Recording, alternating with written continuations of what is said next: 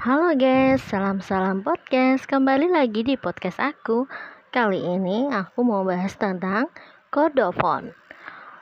Kodofon adalah salah satu jenis yang berdasarkan sumber bunyi yang dihasilkan alat musik, yaitu alat musik yang sumber bunyinya dari rangkaian dawa yang dipetik atau digesek maupun ditekan seperti gitar, harpa, mandolin, ukulele, banjo, sitar, kecapi bass, biola, viola, cello, double bass, rebab, dan piano akustik.